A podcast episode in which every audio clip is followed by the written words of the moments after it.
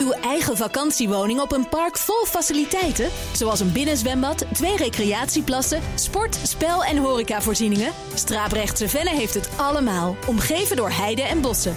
Lees meer op Brabantisprachtig.nl. De Nationale Autoshow wordt mede mogelijk gemaakt door Lexus. Experience amazing. BNR Nieuwsradio. De Nationale Autoshow. Meindert en Wouter. Wereldprimeurs, Europese primeurs en een hoop andere leuke auto's bij elkaar. We zijn neergestreken in Brussel bij het Autosalon, de autobeurs van België. Ja, hier hebben ze tenminste nog een beurs. Dat Nou. kunnen wij helaas niet meer zeggen. Zeven jaar geleden waren we hier voor het laatst. Tenminste, En we zijn net- nog net zo knap als toen. Ja, ja, ja we zijn alleen maar, mannen worden alleen maar mooier als ze ouder worden. Dus krijgen ze karakter en zo. Nee, eh, vorig jaar was ik hier overigens ook. eh, eh, toen bij BMW te gast echt. Eh, dus, dus, dus leuk dat we hier nu op de BMW-stand ook weer eh, beginnen. Bevalt me ook wel. Ja, maar er staat ook echt heel veel leuks, Wouter. Echt heel erg leuks. Er is echt genoeg te zien volgens mij. Ja, ik, ik, ik denk zeker BMW. Niet om meteen even zeg maar, de complimenten al vooraf uit te delen. Wel echt veel primeurs. Gewoon eh, eh, leuke dingen. Ook wat, wat hele relevante dingen. Wat saaier lezen mag je dan de ondertitel. Maar eh, ja, beurs heeft wel aan belang gewonnen, denk Ja, ik. en heeft dat te maken dan met het feit dat Detroit verplaatst is? Ik denk het wel. Hè. Dus eh, als je dan een, een primeur hebt, hè, bijvoorbeeld eh, eh, twee serie Grand Coupé, zou je anders misschien eerst nog in Detroit laten zien. En dan voorheen waren het best vaak ook auto's in een black box dan hier in, in, in België. Dan, ja, dan mocht, mocht je zeg maar, zonder telefoon er wel even naar Ja, kijken. ja, ja. En nu Een staat hij gewoon preview. vol vooraan, zodat je hem echt kan bekijken. Nou, genoeg reden dus om hier te zijn, om een kijkje te nemen, ook als Nederlandse bezoeker. Straks geven we nog een overzicht van het belangrijkste nieuws op de beursvloer. We spreken de organisatie en je hoort een gesprek met de grote baas van Opel. Maar we zijn, zoals je al zei, te gast nu op de stand van BMW. En we praten met onze eerste gast, dat is Eddy Hazendonk. Hij is president en CEO van BMW Groep Belux. Dus zonder het nee-gedeelte. Dat is eigenlijk wel makkelijk. Nee, zeggen ze hier niet. Precies. Fijn dat we u even kunnen spreken. Ja, graag. Welkom eh, bij BMW en Mini uiteraard. Ja, Ja. en Mini uiteraard. De beurs valt vroeg in het jaar, maar is het ook gelijk het hoogtepunt van het jaar? Ja, absoluut. Zoals wij het in Vlaanderen noemen, het is de hoogmis van de automobiel. Eh, het jaar kunnen starten met een eh autosalon van Brussel is echt een perfect moment. We hebben allemaal een beetje kunnen relaxen tijdens de kerstperiode en nu het jaar aanvangen met een vuurwerk aan nieuwe projecten en producten, dat eh, is voor ons perfect timing. Eh, hebben jullie dan wel een beetje kerstvakantie kunnen vieren? Want eigenlijk moeten ze alle voorbereidingen en de, de, de laatste lampjes goed hangen en zo. Dat valt allemaal dan eigenlijk een beetje in die periode. Of, of valt dat mee? Eh, ja hoor, en zelfs een stuk van onze kerstvakantie hebben zelfs in Nederland kunnen Ah, vieren. Dus, kijk. Ja. dat ik weet dat heel jullie mooi. nogal wat vuurwerk ja, ja. vuurwerk afsteken. Nee, alle gekheid op, op een stokje. Natuurlijk is voor ons all hands on deck eh, tijdens de kerstvakantie om al eh, vandaag klaar te zijn. Maar we zijn best wel trots omdat we niet alleen nieuwe producten hebben, eh, modellen en technologieën, maar ook een totaal nieuwe stand. Dezelfde dan trouwens op de IAA in Frankfurt stond, wat een, A-show is. Helemaal zoals het merk in transitie is. Ook onze, onze présence, zoals we dat noemen, onze look en feel hebben we aangepast. En ja, BMW wordt ook een warmer, aangenamer merk, moet ik zeggen. Ja. Ja. Hoe, hoe gaat het met eh, de BMW-groep in eh, België? Eigenlijk, de automobielmarkt is in volle transitie, dat weten jullie ook. Ja. En eh, vorig jaar was een bijzonder eh, jaar, omdat we natuurlijk de omschakeling naar WLTP hadden. Bij BMW in het bijzonder hadden we daarboven de omschakeling en de vernieuwing van onze belangrijkste volumemodellen 1-reeks, 3-reeks, maar ook de X1 heeft een generatiewissel gehad, Ja. waardoor we een iets mindere zomer gehad hebben. Maar we hebben aangeknopt vanaf september bij de lancering van de 1-reeks en vooral 3-reeks Touring in België een bijzonder belangrijk model voor de eh, corporate salesmarkt, dus Ja. de bedrijvenmarkt. Eh, zijn we terug aangeknoopt met een, met een zeer mooie positieve trend Ja. met double-digit growth. Oké. Dus in eh, het vierde Oké. kwartaal zijn we trouwens opnieuw absolute segmentleader geworden. Net zoals trouwens onze collega's van BMW in, eh, in Nederland. En eh, deze trend plannen we dit jaar mooi verder te zetten. Toch is wel zo, als ik vraag hoe gaat het en iemand geeft een heel lang antwoord, dan is het niet per se alleen maar goed. Dus wel- welk cijfer zou je geven aan t- eh, 2019 voor, voor BMW Group? Zoals gezegd, als, als een aantal van jouw volumemodellen eh, even niet beschikbaar zijn, Ja. dan natuurlijk heb je qua inschrijvingen heb je dan even wat minder. Ja. Maar belangrijk is, wat verkopen we? Hè, Ja. BMW heeft al jaren de ambitie om eh, profitabel te groeien. Ja. En daar zijn we ook in geslaagd. De zakelijke markt wordt ook in België steeds belangrijker. Profiteert BMW Ja, absoluut. Dankzij ons modeloffensief enerzijds, maar vooral ook tijdens de technologische evolutie met WLTP. We waren het merk die het eerste klaar waren om het ganse gamma klaar te stomen daarvoor. Heeft ons geholpen, maar vooral ook ons plug-in hybride offensief. In België is het zo dat uh, voor de uh, bedrijfsmarkt een, uh, hybride, voertuig fiscaal bijzonder interessant is. Ja. Wij hadden vorig jaar al tien verschillende geëlektrificeerde voertuigen op de markt. En nu voegen we daar nog twee toe op de show. Ja. Met de X1 plug-in hybride en de X3 plug-in hybride. Dus je kan vandaag een BMW hybride kopen vanaf de X1 tot ons Ja. vlaggenschip de Zevrix. Hoe verkopen die? Gaat dat dan ook eh, hard? Gaat niet zo hard zoals in Nederland. Hè? Want natuurlijk de gekte met eh, eh, de Outlanders bijvoorbeeld ook, die, die echt waren niet aan te slepen. Maar, maar zie je een, een, grote toch, uptake van die Toch plebs? behoorlijk wel. Om een concreet voorbeeld te geven. De BMW X5 is momenteel ons derde beste verkochte model. Ja. Dankzij de plug-in hybride. De plug-in hybride hebben we vorig jaar 3000 stuks van verkocht. Om u een eh, idee te geven, dat is meer dan bepaalde volumemerken op een jaar verkopen. Hebben wij enkel van de X5 hybride. De fiscaliteit, wat wij in Ja. België ook moeten betalen, voordeel alle aard. Ja. Ehm, Ja, dat is de ehm, bijtelling in de Belgische bijtelling. inderdaad. Eh, het scheelt hem een eh, behoorlijke slok op de borrel. Ja. Dus dat helpt ons ja, in grote mate. Eh, Wat wordt dan eh, in, in 2020 eh, de klapper? Wel, de bestseller is sowieso de X1. De Ja. X1 was de voorbije drie jaar al ons best verkopende model. Maar Ja. omdat we daar nu ook de hybride versie aan toevoegen, in de X-Drive trouwens, standaard, gaat ons absoluut helpen. Maar ook de X3. De Ja. X3 was ook bij de top 5 eh, een van de beste wagens. Dus was het vijfde beste model dat we verkochten. Daar hebben we nu ook vanaf de motorshow een hybride versie van, de 30e. En op het einde van het jaar komt er trouwens een full electric bij. Ook trouwens belangrijk Kijk, voor, ja, eh, ja, ja, voor de Nederlandse markt. Ja, dus dat wordt trouwens, de X3 wordt de eerste BMW die beschikbaar zal zijn in vier verschillende aandrijflijnen. Benzine, diesel, plug-in hybrid en full electric. Nou is eh, het salon ook een verkoopbeurs. Hè? Dus Jazeker. als je het hier goed doet, dan heb je het eigenlijk gelijk een eh, mooie start van het jaar. Is ook dus heel belangrijk voor BMW Absoluut. en voor Mini. Absoluut. Wij rekenen op een absolute fast start. Zoals gezegd, omdat we vanaf nu, dankzij het vuurwerk aan nieuwe producten eind vorig jaar, nu al onze modellen, al onze technologieën beschikbaar hebben. Ook relatief snel kunnen leveren. Dus wij verwachten inderdaad een bijzondere fast start. Het is bijzonder dat jullie Belgen, ik ge- generaliseer even, hè, zeggen altijd tegen ons Nederlanders dat wij gierig zijn. Tegelijkertijd, eh, maar wa- wachten jullie allemaal tot het salon om daar de kortingen te pakken? Ja, ik denk dat elke consument vandaag een best deal wil doen. Ja. Het is niet alleen een best deal, maar het is ook de plaats waar je dan nog op, op één locatie je keuze kunt maken. En bij BMW onze statement is ook bijvoorbeeld de power of choice. De klant uiteindelijk maakt de keuze. Wij willen die niet voor hem of voor haar maken. En hier op het autosalon heb je op een, ja, een, een vierkante kilometer alles moois van wat de automobielmarkt brengt staan. En kan je ook een, een goede bewuste keuze maken. Maar toch zou ik me kunnen voorstellen, u als, als baas van eh, BMW Group eh, Benelux zegt, ja, maar ik, ik wil eigenlijk helemaal niet dat ze ook nog even bij Audi en bij Mercedes kijken. Want ik, ja, ik, wil, ik wil ze in mijn winkeltje hebben. Ja, eh, oké, never underestimate the competition. Maar ik denk dat wij mogen de statement doen, zoals je de power of choice bij BMW kan je vandaag alles krijgen. We hebben nieuwe 1 tot de vlaggenschepen, de 7X en de X7. In elk segment zijn wij best gewapend. Dus ja, nee, ik nodig de klanten uit om inderdaad ons te benchmarken. En dan natuurlijk Vertrouwen. dan als laatste bij Ja. ons komen en dan Ja. zullen wij ze Ja, met dan- open armen ontvangen. Precies. Laten we even wat dieper op een paar van die modellen induiken, eh, Wouter. Eh, de, de, de, de speciale cabrio van Mini. Ja. De Sidewalk. Made in Holland. Nederland, met Ja, excuses. ja, ja, ja, Ja. Eigenlijk actiemodelletje toch? Maar wel een, een beetje iconische naam die, Kijk, die wel bekend is sinds bij... de lancering van de Mini Ja. Cabrio in 2004 moeten we toegeven, Mini is een fantastische brand. Ik ben trouwens lang eh, zelf actief geweest bij Mini, zowel hier in België als in de headquarters.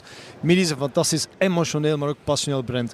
En de Cabrio past daarbij. Ja. En eh, het doet mij dan ook bijzonder plezier dat met de Sidewalk, was trouwens ook al in de vorige generatie een super eh, bijzondere editie, dat de wagen ook nog opnieuw wat eh, frisheid krijgt door de details, de speciale kappen, speciale stitching. Want dat zoeken de mensen wel. Er is geen enkel merk die een cabrio kap gaat personaliseren. Bij Mini heb je nu vier verschillende cabrio daken. De Sidewalk is zo'n mooi voorbeeld. Natuurlijk zijn er andere detailfeatures, hè, die de, de design features, intern en extern. Maar op de radio, ik kan ze niet tonen. Nee. Het is moeilijk om Nee, maar het, is wel grappig. Ik denk dat je weinig, eh, als je goed gaat kijken, je weinig minis, zeker kabeljes zal zien die dan, eh, waarvan een tweeling is die echt exact het, eh, Ja. hetzelfde is. Spiegelkappen. Ja, mijn vriendin rijdt een mini cabrio, dus die weet je wel, de, de, de, het, het, het dashboardkastje waar dan de Engelse vlag in zit. En nou ja, de, de, de, de, vlag op, op het dak. Nou, noem het allemaal op. Heel veel eh, bijzondere de, eh, Je kan de Mini in honderdduizend verschillende Ah, combi- exact. combinaties Jij met een autoblog logo, ik met zo'n BNR-microfoon op het dak. Dan, Ja, eh, dan ja, zijn we verkocht. Maar goed, Ja. die wordt dus in Nederland gebouwd bij Absoluut. VDL. Eh, geldt dat ook voor de, de X1 hybride? De X1 hybride niet, maar de X1 eh, wel. En eh, mooi dat u het zegt, want het is inderdaad zo eh, dat in de media vaak gezegd wordt dat het een mini-fabriek geworden is. Is niet zo, het is een BMW groepfabriek. De collega's van VDL doen een bijzonder goede job dat zij erin slagen om op in, in één plant twee brands van BMW groep te maken. Die plug-in hybrides die zijn belangrijk voor BMW en voor Mini. Eh, Kunnen we daar nog op meer verwachten? We hebben bijna van al onze modellen een plug-in variant. Als je kijkt van, de, van het onderaan in het gamma, we hebben bij Mini, zoals net aangehaald, de Countryman als hybride, maar bij BMW nu de X1 en de 2-reeks Active Tourer Ja, in hybride. We hebben ook de 3-reeks eh, berline, de 5-reeks berline, de 7-reeks berline in hybride. ja. Bij de SUV's naast de X1 ook nog de X3, X5 ter beschikking. Dus we hebben al heel wat. Ja. Vergeet ook niet, de BMW i8 was trouwens de eerste eh, hybride sportwagen die wij Ja. op de markt gebracht hebben. Zowel in coupé als cabrio. Dus we hebben een mooi aanbod van eh, onderaan in het gamma tot helemaal de topnotch Ja, is, is er dan ook een beetje focus geweest op een plug-in hybride? Want met het eh, e-label liep BMW echt wel voorop hè, op het eh, gebied van elektrificering. En het lijkt toch een beetje te hebben stilgestaan. Andere merken komen met heel veel modellen. Terwijl het bij BMW, ja, het lijkt toch een beetje stil te staan. Wel, ik ga het anders eh, draaien. wij waren de eerste. In Ja. 2013 hebben wij de guts gehad om met de BMW i3 Ja. niet alleen een batterij in je wagen te steken, maar een volledig nieuw duurzaam concept te bouwen. Purpose built, hè, een carbon koetswerk, een carbon eh, chassis met een purpose built wagen. Jij zoekt hem even Ja, ik zoek hem nee, maar hij Ja, staat ja, daar aan de andere ja, kant. staat- Ja, nee, oké. die had ik nog niet zien staan. Maar Deze wel. wagen heeft ondertussen drie batterijen op deze gat, want dat is ook de, de reden. De batterijtechnologie evolueert zo snel dat we eigenlijk besloten hebben om een paar updates over te slaan op het moment dat we met Ja, een nieuwe generatie batterijen komen. En daar spreken we over einde dit jaar. Dat we alle nieuwe BMW's, en dan spreek ik over de iX3 zoals dat net aangaat, maar ook de i4, de welke de eerste BMW vierdeurs sedan zal zijn. Noem het de Tesla Fighter. Maar dan ook de iNext, die we trouwens in conceptcar hier ook op de, op de stand staan hebben. Deze drie wagens komen er volgend jaar aan met de nieuwe generatie batterijen, de welke allemaal meer dan 400 kilometer onder WLTP kunnen rijden. Dus inderdaad, we hebben een paar evoluties misschien overgeslagen, maar de markt was ook niet rijp. Als we Nederland en even Scandinavië eh, buiten beschouwing laten, is de elektrische markt bijzonder klein. In België bijvoorbeeld minder dan 1%. En is er ook gewoon een gebrek aan de laadinfrastructuur. Dus Ja. nu wordt er geïnvesteerd door de overheid in fatsoenlijke laadinfrastructuur. En op het moment dat die gaat aanwezig zijn, lees begin volgend Ja. jaar, met drie nieuwe modellen. Je hebt inderdaad een laadinfrastructuur nodig, maar eh, elektrisch rijden was ook relatief duur natuurlijk. Hè? Tenzij je naar die landen gaat kijken zoals Nederland en Scandinavische landen waar het enorme subsidies op zitten om in ieder geval zakelijk elektrisch te rijden. Wordt het goedkoper? Laat ons twee dingen onderscheiden. Laat ons eerst plug-in hybride. Vergeet niet, een plug-in hybride voertuig heeft en een klassieke verbrandingsmotor ja. en elektrische infrastructuur. Dat, dat betekent gewoon technologisch is het een duurder voertuig. Die, die heeft twee aandrijfsystemen die dat in één voertuig samen moeten werken. Dat heeft een kost. Die kost is afhankelijk van de kwaliteit tussen de 6 en de 10.000 euro. En de vraag is, is de, concurrent, de consument excuseert, bereid om die kosten te Ja. betalen? En daar moeten we vaststellen, zonder overheidsincentives, lees fiscale voordelen, is de klant niet bereid om te betalen. Hetzelfde met elektrische voertuigen. Een elektrisch voertuig, per definitie vandaag nog, is merkelijk duurder dan een traditionele benzine of diesel. En de gewone consument zonder overheidssteun is niet bereid om de meerprijs te betalen. Ik ben ervoor overtuigd in de toekomst de surcharge van de geëlektrificeerde voertuigen zal lager worden, zal kleiner worden, omdat ook de batterij doorontwikkeling zal maken. De schaalvoordelen die we gaan Ja. krijgen met elektrische voertuigen. De surcharge voor een geëlektrificeerd voertuig zal kleiner worden, waardoor dan ook de barrière om de stap te maken kleiner wordt. Maar dat zal toch nog even op zich laten wachten.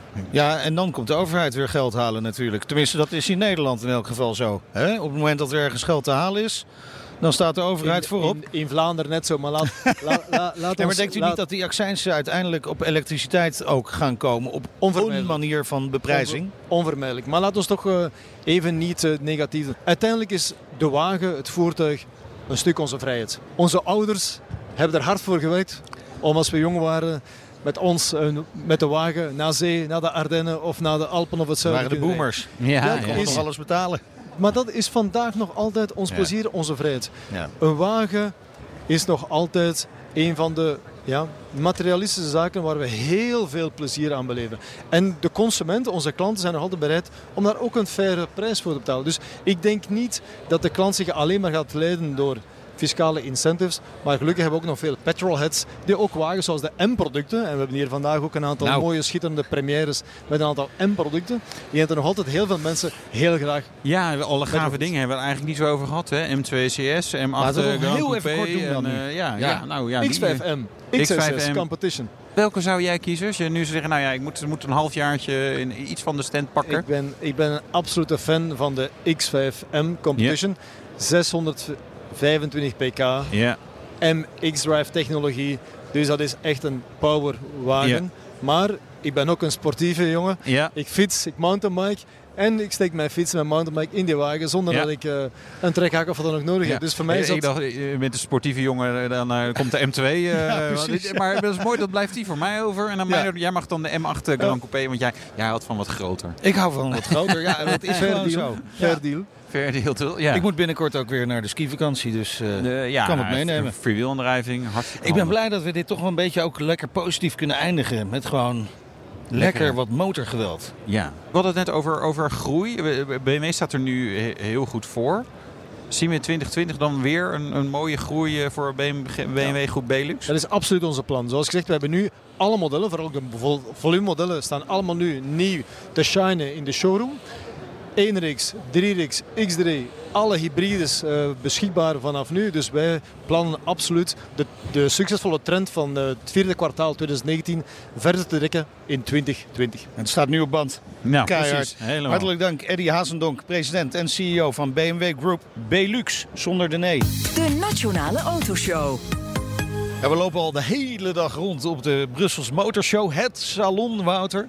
Eh, ons toch wel af en toe een beetje te vergapen aan al het eh, moois hier. Een aantal mooie primeurs. Ehm zullen we eens beginnen, Wouter, bij eh, Mercedes, de GLA? GLA, leuk. Hij is korter geworden en eh, breder. Dus Ja. wel wat eh, vierkanter. Ook iets hoger trouwens. Eh, iets hoger, ja. ja. maar het is wel, wel grappig. natuurlijk een aantal benzine- en dieselmotoren, maar dat interesseert ons echt helemaal geen klap. Want er is ook een AMG-versie. Natuurlijk wel de light-versie nu in eerste instantie, hè, de 35. De 2 liter turbo met 306 pk. Ja, gewoon gaaf ding natuurlijk. weet je, een leuke auto geworden. Het is wel grappig dat Mercedes nu twee SUV's feitelijk heeft op datzelfde compacte platform. Ze hebben namelijk ook de GLB. Ja. En dat is dan een zevenzitter. En dit is een, nou ja, een, een, een vijfzitter. Een auto waar ik eigenlijk al toen hij voor de eerste keer geïntroduceerd werd een beetje verliefd op was. Jaguar F-Type. Ja. En je kunt weer is er. opnieuw eh, verliefd Ja. worden. Nou ben ik ook wel weer geworden hoor. Alsof je je vrouw een facelift geeft. en eh, nou ja, misschien En dat nog is een paar dan- andere accessoires. En die is dan gelukt. en die is dan gelukt. Ja, want ze heeft een eh, nieuwe neus en nieuwe koplampen. Oh, dit is heel toepasselijk nu, hè? Kan eigenlijk niet, maar nee. Ja, dat is wel dan Ja. wel weer mooi. Wel grappig, want het zijn eigenlijk geen waanzinnig grote aanpassingen. Maar hij staat er wel echt weer lekker fris en fruitig en strak eh, bij. Interieur ook geüpdate. Dus ook weer ja, een nieuw infotainment systeem. Gewoon wat groter scherm. Ja. Eén ding wat er wel verdwijnt. Dat is de handbak. In Ja. combinatie met de V6. Want die V6 Ja, die, krijgen we ook niet meer. Nee, nee, je moet nu kiezen tussen een viercilinder met 300 pk of een 5 liter V8 Ja. met 450 pk. Welke zou jij kiezen? Ja, als je hem zelf moet betalen in De Nederland. vorige keer is- zou ik namelijk voor die V6 hebben gekozen. Ja, wel. En het klinkt wel heel erg gaaf. Maar V8 is natuurlijk wel heel gaaf. Het is een beetje een nadeel in Nederland dat we daar zo'n enorme klap belasting overheen eh, krijgen. Eh, dus ja, daar ga ik nog even over nadenken. Aan de andere kant, we hebben ook nog de F-Type R, met de R van rete snel. Die gaat naar, nu naar 575 pk.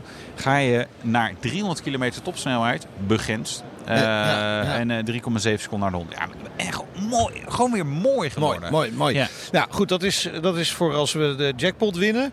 Uh, voor, voor de gewone sterveling staat er ook wel het een en ander. Uh, ja, wel een paar dingen, maar daar hebben we nog niet gekeken. Nee, uh, Renault bijvoorbeeld. Ja. Um, wat wel grappig is bij Renault, zeg maar, aan de ene kant natuurlijk een voorloper qua elektrificatie. Met de Captur, met uh, de Fluence ZE. Zoe. Niet, de Zoe, of Captur zeg ik, de Zoe bedoelde ik inderdaad. Maar nu ook de Captur als uh, plug-in hybride en de Clio E-Tech als een normale hybride. Maar dan wel met een voor een normale hybride vrij forse batterij. 1,2 kilowattuur. Ja, weet je, het zijn wel die stappen die er nu heel hard aankomen. Dat alle fabrikanten echt uh, fors uitpakken met uh, plug-in hybrides. wat we ook net bij BMW hoorden. Dus ja, daar moeten ze nu aan om die CO2-uitstoot omlaag te krijgen. Ja, één vliegtuig ging vanuit Japan naar Libanon. Het andere ging naar Brussel. En daar stond een Nissan Juke in. Met een primeur. Ja, ja eh, toch een, een, pionier van tien jaar geleden. Hè? Een van de eerste crossovers. Hij heeft een nieuw design. Dat is nog steeds redelijk uitgesproken. Ja. En we, er valt weinig te kiezen. Dat is altijd lekker voor de mensen die daar niet zo goed tegen kunnen. We hebben Gewoon. één benzinemotor. En dat is het dan. Een Ja, die heeft ook maar één liter. Ja, nou ja, en die heeft wel 117 eh, eh, pk. Ehm, dus ja, eh, reuze is de keuze niet. Ja, verder hier toch wel ook nog heel veel andere gave dingen te zien. Audi RS6 in het rood. En rode RS6, moet je even bij denken. Eh, RSQ3 in het groen, nou dat zagen we al eerder. Maar nou ja, weet je, als je hier gewoon over de beursvloer loopt, staan gewoon echt wel veel auto's die veel mensen nog niet in het echt hebben gezien. Eh, en dan soms inderdaad ook gewoon in ja, gewoon gave specificaties met goede kleuren, goede opties. Gewoon eh, ja, lekker om even naar te gluren. Is leuk hè, kleuren mogen weer. Ja, vind ik wel. We hebben een tijdje gehad, Ja. ik weet niet meer wanneer dat was, maar het is jaren geleden. Misschien was dat wel de, bij de vorige keer dat we hier waren, dat alles wit was. Ja, alles alles. was wit. Nee, nu, eh, nu eh, Gelukkig, zijn allerlei er- mooie kleuren. beetje vanaf. Heb je nog iets anders leuks? Wat ik zelf ook wel grappig vond, omdat het misschien van een merk is waar het niet helemaal van verwacht. Eh, Peugeot 508 Sport Engineered. Plug-in hybrid ook. Het is een concept, dus eh, je kan hem nog niet kopen. Maar misschien komt er wel zoiets aan. 400 pk. 400 pk in een Peugeot 508. Toch gewoon grappig. En gewoon echt een gaaf vormgegeven ding. Met, met een mooie aero-kit. Met, met wat hele subtiele gele details. Weet je, dat zijn van die auto's. Dan loop je langs en denk je, oh, dit is wel dik. Het is niet te overdreven, maar wel net even een beetje Ja. een rauw randje. Dus en dan denk ik grappig. gelijk, hè, als je dan toch aan het delen bent binnen dat hele PSA-concern, daar zit ook Opel in tegenwoordig. Insignia, ja, OPC, ja, misschien moeten we dat dan maar even gaan vragen. Of die dan nog komt. lijkt me leuk. Zometeen spreken we de organisatie van Het Salon. Ja, en we hebben een gesprek met de Geschäftsführer van Opel. Nou, dan willen we dus alles weten over die OPC. Ja, En precies. je hoeft je geen zorgen te maken. Het is niet am Deutsch. Nee, maar gewoon in het Engels. Zo is dat. De Nationale Autoshow wordt mede mogelijk gemaakt door Lexus. Experience amazing. BNR Nieuwsradio. De Nationale Autoshow. Meindert en Wouter. Wouter en ik zijn dit keer in eh, Brussel op de Brussels Expo. Op de beursvloer van Het Salon. De Brusselse motorshow. Ja, de 98e editie. En meer nieuws eh, dan ooit tevoren. En ja, ik denk zeker de moeite waard eh, voor autoliefhebbers. Want eh, er staat hier gewoon echt best wel veel. En daar zal onze gast van dit moment het roerend mee eens zijn. Joost Kazemans. Hij is directeur communicatie van de VBIAC. En dat is de organisator van deze autobeurs. Het Salon, hè? Het Salon. Ja, wij noemen het het salon, eh, het autosalon. Het Ja. auto- de Brussels Motor Show zie ik ook wel veel terug. Dus eh, mo- moeten we internationaler eh, gaan? Ja, dat is in elk geval onze ambitie. En het, eh, het lijkt op dit ogenblik wat te lukken, omdat het, ja, het zit ons mee dat eh, heel wat eh, motorshows het, eh, het wat moeilijker hebben gekregen. En dat Brussel, omwille van het feit dat het een, een vrij commercieel georiënteerde beurs is, het toch nog steeds erg goed doet. Ja, dat zeg je Ja. heel diplomatiek. Ja, vrij commercieel. verkoopbeurs, toch? Die, al die auto's die hier staan, die moeten allemaal weg. Ja, die moeten allemaal weg. Die worden hier niet verkocht, maar het is, het is wel de bedoeling dat de mensen die hier eh, erg veel zin in krijgen en dan even bij de dealer gaan om eh, een testrit en dan de bestelbon te tekenen. Het is wel interessant wat er gebeurd is met die eh, Brusselse motorshow, het salon. Want wij spraken elkaar. Ja, je verbaasde je over net toen we elkaar even voor de uitzending spra- spraken. Zeven jaar geleden dat wij hier waren. Toen hadden we het al eigenlijk over de internationalisering van de, het salon van Brussel. Omdat de, autorij verdween toen net. Het was eigenlijk je ambitie om dit tot de autosalon van Europa te maken. Dat lijkt steeds meer te gaan lukken. Ja, eh, op eh, bezoekersvlak zitten we eh, toch nog vrij sterk gebonden aan een, aan een Belgisch publiek. En een beetje over de grenzen, richting Nederland natuurlijk, richting Duitsland, richting Frankrijk. Maar wat we wel zien is dat Brussel meer en meer bezocht wordt door de big shots van de automerken die ineens Brussel ontdekken en zeggen van nou dat is leuk georganiseerd, ziet er goed uit, alle merken zijn er aanwezig, heel wat wagens. Al bij al een vrij efficiënte formule, hoewel deelname aan zo'n beurs natuurlijk wel wat, eh, wat duiten kost. Ja. Voor ons gevoel wordt Brussel ook belangrijk. Hè? Detroit is natuurlijk verplaatst. Dan heb je natuurlijk wel de CES, hè? dat is een elektronica-beurs. En eh, auto's zijn natuurlijk rijdende iPads tegenwoordig. Maar eh, klopt dat ook wel? Dat jullie merken van nou, de mer- merken vinden dit ook wel belangrijk om toch ook wel dingetjes alvast aan het publiek te laten zien? Ik denk het wel. Er zijn wat minder gelegenheden om die, nieuwe, om die nieuwigheden te tonen. Er zijn een aantal salons internationaal verdwenen. Eh, Brussel is dan een vrij goede garantie dat je als eh, automerk eigenlijk op gelijke voet wordt behandeld. Hè. Je hebt een beetje het fenomeen dat in Frankrijk de Franse merken echt eh, naar voren worden geduwd. En dat in Ja. Duitsland die, diezelfde Franse merken ergens van achter weggestopt worden. Dat heb je hier in Brussel veel minder. Vinden ze ook wel prettig. De aanwezigheid van Brussel als Europese hoofdstad werkt ook altijd om te werken aan die, die overtuiging van eh, nou breng je première even naar Brussel. Het, het is neutraal gebied en je kunt ook gelijk Ja, nog ja. even de politiek bewerken. En als je er klopt. toch En bent. Jullie zijn eh, ja, een beetje, beetje neutraal dus. Hè? Dus, dus eh, het, het Zwitserland van Europa wilde ik even grappen. Maar ja, Zwitserland ligt ook in Europa, niet in de EU. Maar want Genève doet natuurlijk ook traditioneel heel goed nog als, als autosalon. Ik zie daar wel de parallellen inderdaad. Geen auto-industrie, eh, toch gewoon een beurs die blijft. eh, ja, wel fabrieken hier in in, België? in België. Ja, Meer dan in eh, Nederland. Eh, ja, een, een, stuk of twee nog eh, die auto's eh, maken. En een grote automarkt. Meer Ja. dan een half miljoen eh, nieuwe auto's die hier jaarlijks verkocht worden. Ja, wrijf het nog even in. Eh, dat, ehm, Wij in Nederland halen geen half miljoen nieuwe auto's. Een bizar meer verschil. bewoners hebben. Ja, voor de bezoekers die eh, misschien ook in Nederland zouden willen komen. eh, eh, los van dat eigenlijk bijna alle merken hier staan. Er, zijn, er er gaan best wel wat getallen ook rond eh, van eh, eh, primeurs. Eh, hoe, hoeveel zijn het er? Hoeveel, prim hoeveel echte, echte nieuwigheden staan er nu op de vloer? Wel, we hebben in totaal 18 eh, wereldprimeurs. 18? Waarvan Veel. zes eh, in de paleizen van de, van de motorfietsen. Dus een twaalftal eh, wereldprimeurs bij de auto's. Een tiental Europese primeurs. Dus echt wel leuk. Het Ja. is vele jaren geleden dat we er zoveel mochten ontvangen. En laat ons eerlijk zijn, eh, een aantal jaren geleden was, eh, waren wat nieuwe deurklinken en wat nieuwe koplampen al eh, voldoende om Ja. het een primeur te noemen. Nu staan er echt wel dingen tussen die heel nieuw zijn, die heel erg leuk zijn. En die ook heel erg belangrijk, belangrijke voertuigen zijn in het gamma van de constructeurs.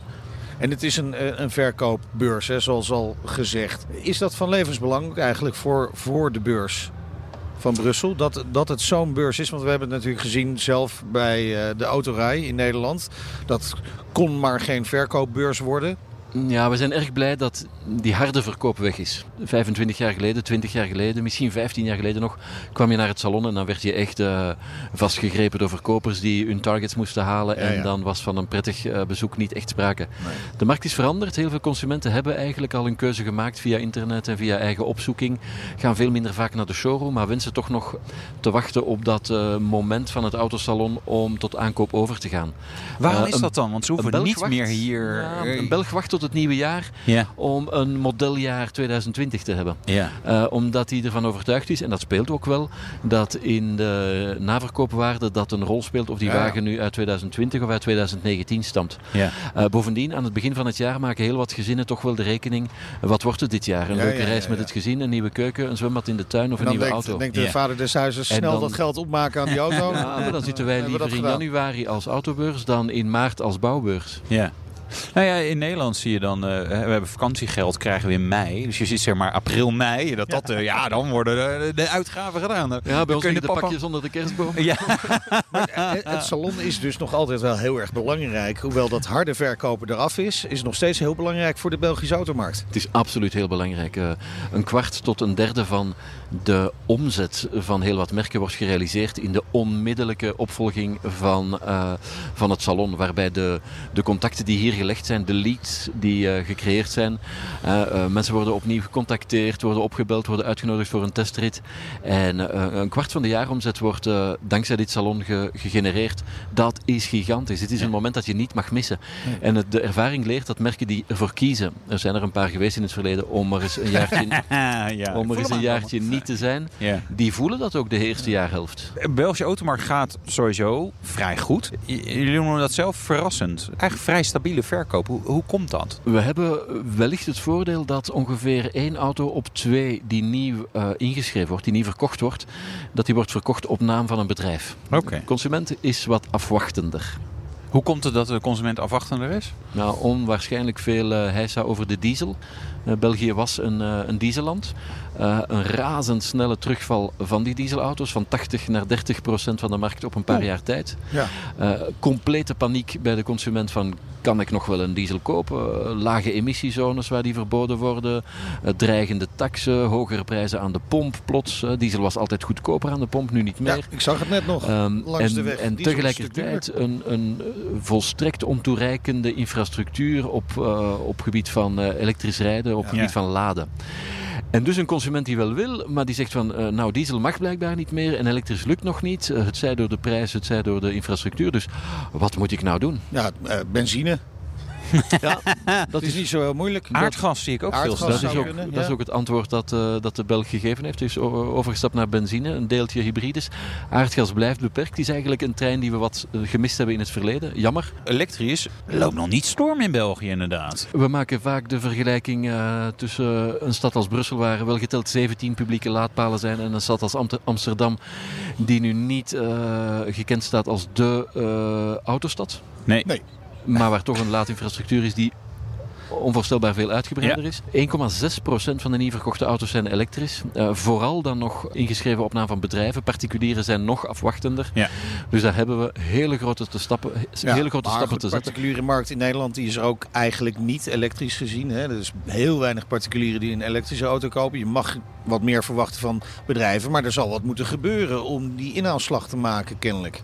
Ja, moet, moet absoluut. En het, eh, de situatie is stilaan zo dat het uh, niet enkel meer aan de autosector ligt. Die modellen die zijn er nu. Oké, het prijsnadeel is er uh, vaak wel nog. Mm. Maar het, het, het, aanbod is er tenminste al of komt er nou heel snel aan. Het zijn de, om, de omringende factoren. Hè. De laadinfrastructuur. een aantal winters lang hebben ze ons al angst aangejaagd door het feit van nou we gaan een totale blackout. Er is geen elektriciteit. Onze kernreactoren vertonen scheurtjes. Ja. en tegelijkertijd moet je de klant overtuigen dat elektrisch rijden wel een goed idee is. Ja, is lastig. De klant begrijpt niet dat hij niet meer met elektriciteit zijn woning mag verwarmen, maar dat hij er wel mee mag autorijden. Daar zijn logische en simpele verklaringen voor, maar we moeten die kunnen overbrengen. Er zijn altijd partijen die vinden dat het niet snel genoeg gaat. Ook wat deze beurs betreft, hè, klimaatactivisten van Extinction Rebellion. Die gaan hier volgende week zaterdag protesteren. Wat vinden jullie daarvan? Nou, het is niet de eerste keer dat eh, klimaatactivisten of anderen het van, van de hele grote aandacht voor het salon gebruik maken om hun boodschappen bekend te maken. Hebben we ook eh, eigenlijk geen probleem mee. Uh, waar we het moeilijk mee hebben is dat zij blijkbaar plannen hebben om hier dingen te komen beschadigen. Ja. Zich vastkleven aan auto's, uh, uh, rode verf of namaakbloed uh, uitspreiden over de, de stands of de wagens vinden we niet zo leuk. bovendien gaat het hen niet enkel om het klimaat. Als je leest wat ze schrijven, dan gaat het er eigenlijk om dat zij overtuigd zijn dat een burger niet meer het recht zou mogen hebben om een individuele wagen te bezitten. zij hebben het wat moeilijk met de manier waarop onze maatschappij functioneert, met onze consumptiemaatschappij, met wat zij het wilde kapitalisme noemen. En oké, geen enkel systeem is perfect, maar zij drijven tot het uiterste en een heel groot deel van de oorzaak toe aan de autoconstructeurs die zij verwijten geen enkele inspanning te doen om hun, uh, om hun milieu uh, of voetafdruk te verminderen. Nou ja, toch, ze noemen dit het leugensalon. Dus ze richten ook wel echt de pijlen op het salon zelf. Dat is het commerciële moment wat zij niet aanvaarden. En wat ah. ik net zei, ze denken niet dat er uh, nog een systeem moet bestaan waarbij je overtuigd wordt om een eigen voertuig aan te schaffen. Um, en ik ben er stellig van overtuigd dat deelmobiliteit, zeker in steden, voor heel wat mensen een oplossing is die misschien zelfs handiger en beter is. Maar eh, een hele kleine wijziging in je persoonlijke situatie, in waar je woont, uh, wie je bent, hoe je werkt, hoe je gezin is samengesteld, is al voldoende om een verschil te maken tussen het feit of je uh, je perfect een auto kan ontzeggen of of je anderzijds die auto uh, onomstotelijk nodig hebt. Zijn jullie in gesprek met die activisten? Of, of is ja, we hebben hen op voorhand ontmoet. We hebben hen ook onze, onze rode lijn aangeduid. Van ja. kijk, we willen jullie dit salon ook wel aanbieden. Jullie kunnen hier, wat, uh, jullie kunnen hier wat, wat doen. Jullie mogen jullie boodschap brengen. Indien gewenst zelfs binnen deze expositiehallen. maar wat we niet kunnen aanvaarden is dat er paniek wordt gecreëerd. Dat mensen, bezoekers in gevaar worden gebracht. Ik denk dat ze ook een verkeerde inschatting maken van wat het betekent als hier 40.000 man tegelijk binnen is. Dan moet je niet met de veiligheid beginnen sollen. Wat die bezoekers betreft, hoeveel verwachten jullie er? Nou, uh, reken op een half miljoen bezoekers. Half miljoen. Uh, op een tiental dagen tijd. Nou, is ongeveer net zoveel als het aantal auto's dat in België jaarlijks worden verkocht. Dat, uh, dat is Elke de rekensom. Elke bezoeker een auto. Dankjewel. Joost Kazemans, directeur communicatie van de VBAC, de organisator van het salon. De Nationale Autoshow. We zijn inmiddels aanbeland op de stand van Opel, waar we een uh, afspraak hebben met de CEO van het merk. En dat is uh, Michael Looscheller. Ja, je hoort het al een beetje, is geen Nederlander. Verrassend genoeg. Uh, we gaan niet naar het Duits overschakelen. Speciaal voor Wouter doen we het gewoon in het Engels, toch, Ja, mijn Duits is minder goed dan, dan mijn Engels, ja. Tot mijn spijt overigens. Maar goed, dat is voor een ander onderwerp. het geldt voor mij hetzelfde. Thank you for having us, Mr. Looscheller. is, is this your first time at the Brussels Motor Show? No, it's actually the second time, but I think the timing in terms of the January is great. It's early in the year, um, and it's a good start for, for, for the year. So it's great to be here. Yeah, yeah. Normally after Christmas, it's it's always a bit can be a bit boring, and, and this is this is just you have to to to, to start running immediately or, or uh, something like that. Yeah, absolutely. I yeah. mean, in the past we always went to Detroit yes, and to yep. Los Angeles for the motor shows. That is over, so now we come to Brussels. But no worry, there is no boring year to come here. uh, are you impressed with the show? I like it a lot, and I think it could be a role model for the future because um, you, you, need public attention and that people can also buy cars. So I was asked at the Frankfurt Motor Show a lot, mm. like, look, what is happening to Frankfurt? And I said, look, what's missing is that people come and order and buy cars. Yes. I mean, just to display cars and just to give press conferences is not so interesting. So I think no. Brussels is, in a way, for me, a role model going forward because afterwards I can also say very much in detail this is how much I have invested into the show, and this is what I got out of it. Yes. Do you think it's possible for Frankfurt? Well, I mean, after Frankfurt, we have now a lot of debate what is the future of the German auto show, or be it Frankfurt in another city. Then you have a debate like, oh, what's the best location? But at the end of the day, for manufacturer, is like, okay, what do you get out of it? What, what is the benefit out of it? And mm-hmm. I think we want to come closer to our customers, and customers want to buy cars. When are you uh, happy? How many orders uh, should, should, should Opel uh, get here in Brussels? Yeah, well, I think we keep that for ourselves for the time being. Yeah, I think that's, that's a better almost idea, the yeah? answer that we that we always get. But uh, um, we see a lot of new things on this uh, Brussels Motor Show. New cars. Opel's biggest news probably the new Insignia. Yes, absolutely. I mean, this is the world premiere here, and Insignia is the flagship of Opel. We have done changes on the design, but most important, we put new engines into the car. So we have big improvements on CO2. We have now three and four cylinders. And of course, we think this is very important because it's a fleet car and it will help the car a lot. Yeah. But apart from that, I think this year is a lot about electrification, and yeah. um, obviously, it's a great opportunity for us to show. And we have many, many things to show on electrification Corsa E, the plug in hybrid, on the light commercial vehicles. So I think then you see the overall portfolio is very CO2 efficient. Yes. And we really go electric. Yes, but the Insignia doesn't go electric yet. You're or right. Uh, that's why first. So when, I mean, it, maybe first the plug-in for the Insignia. Right. So our approach is the, the following. Different question. Or no, no, no.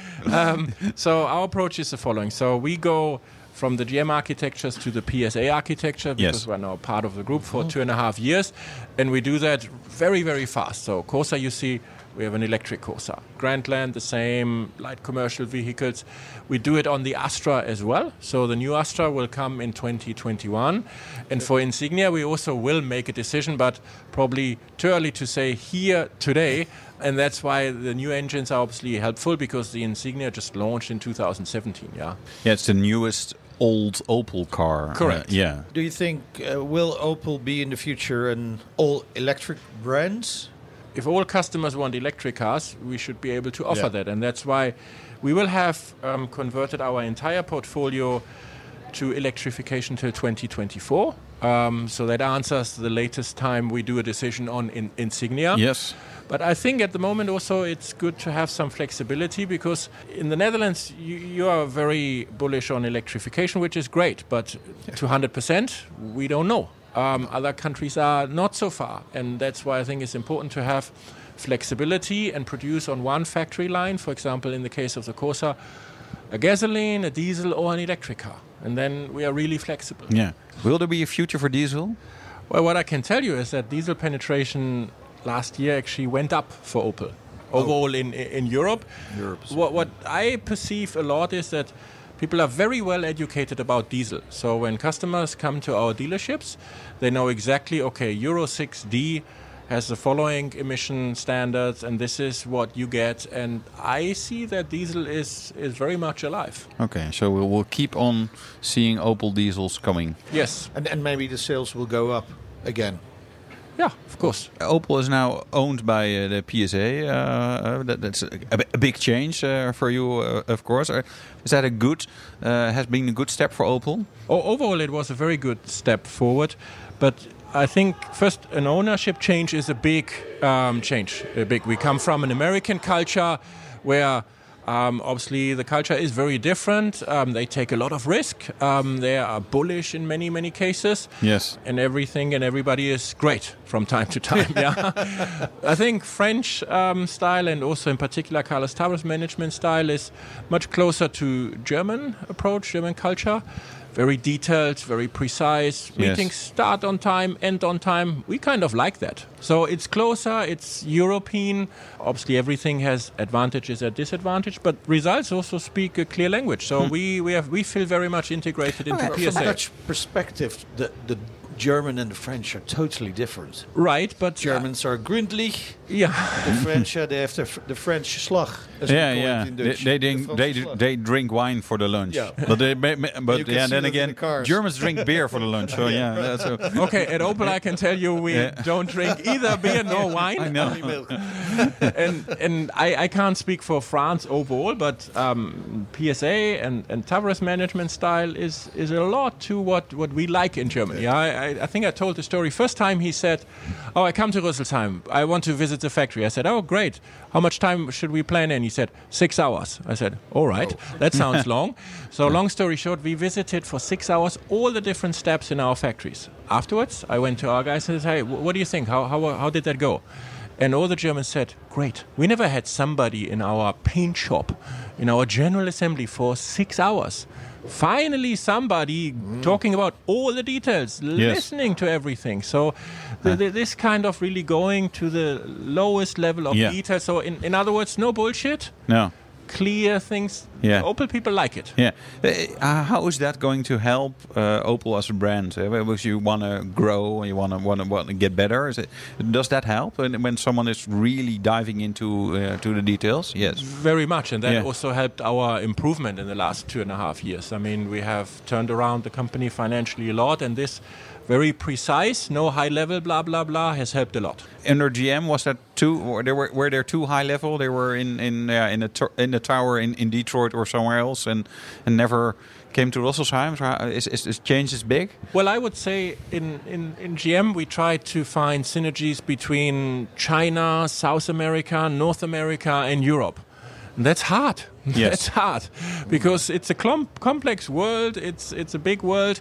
So now we focus a lot on Europe, and probably it's also easier. I, I said uh, one day Paris is closer than Detroit ever was, and that is a true statement. Yes. That is a true statement, also in terms of business culture and just common understanding. Opel is now with PSA. It's a big company, of course. Could it be bigger than this?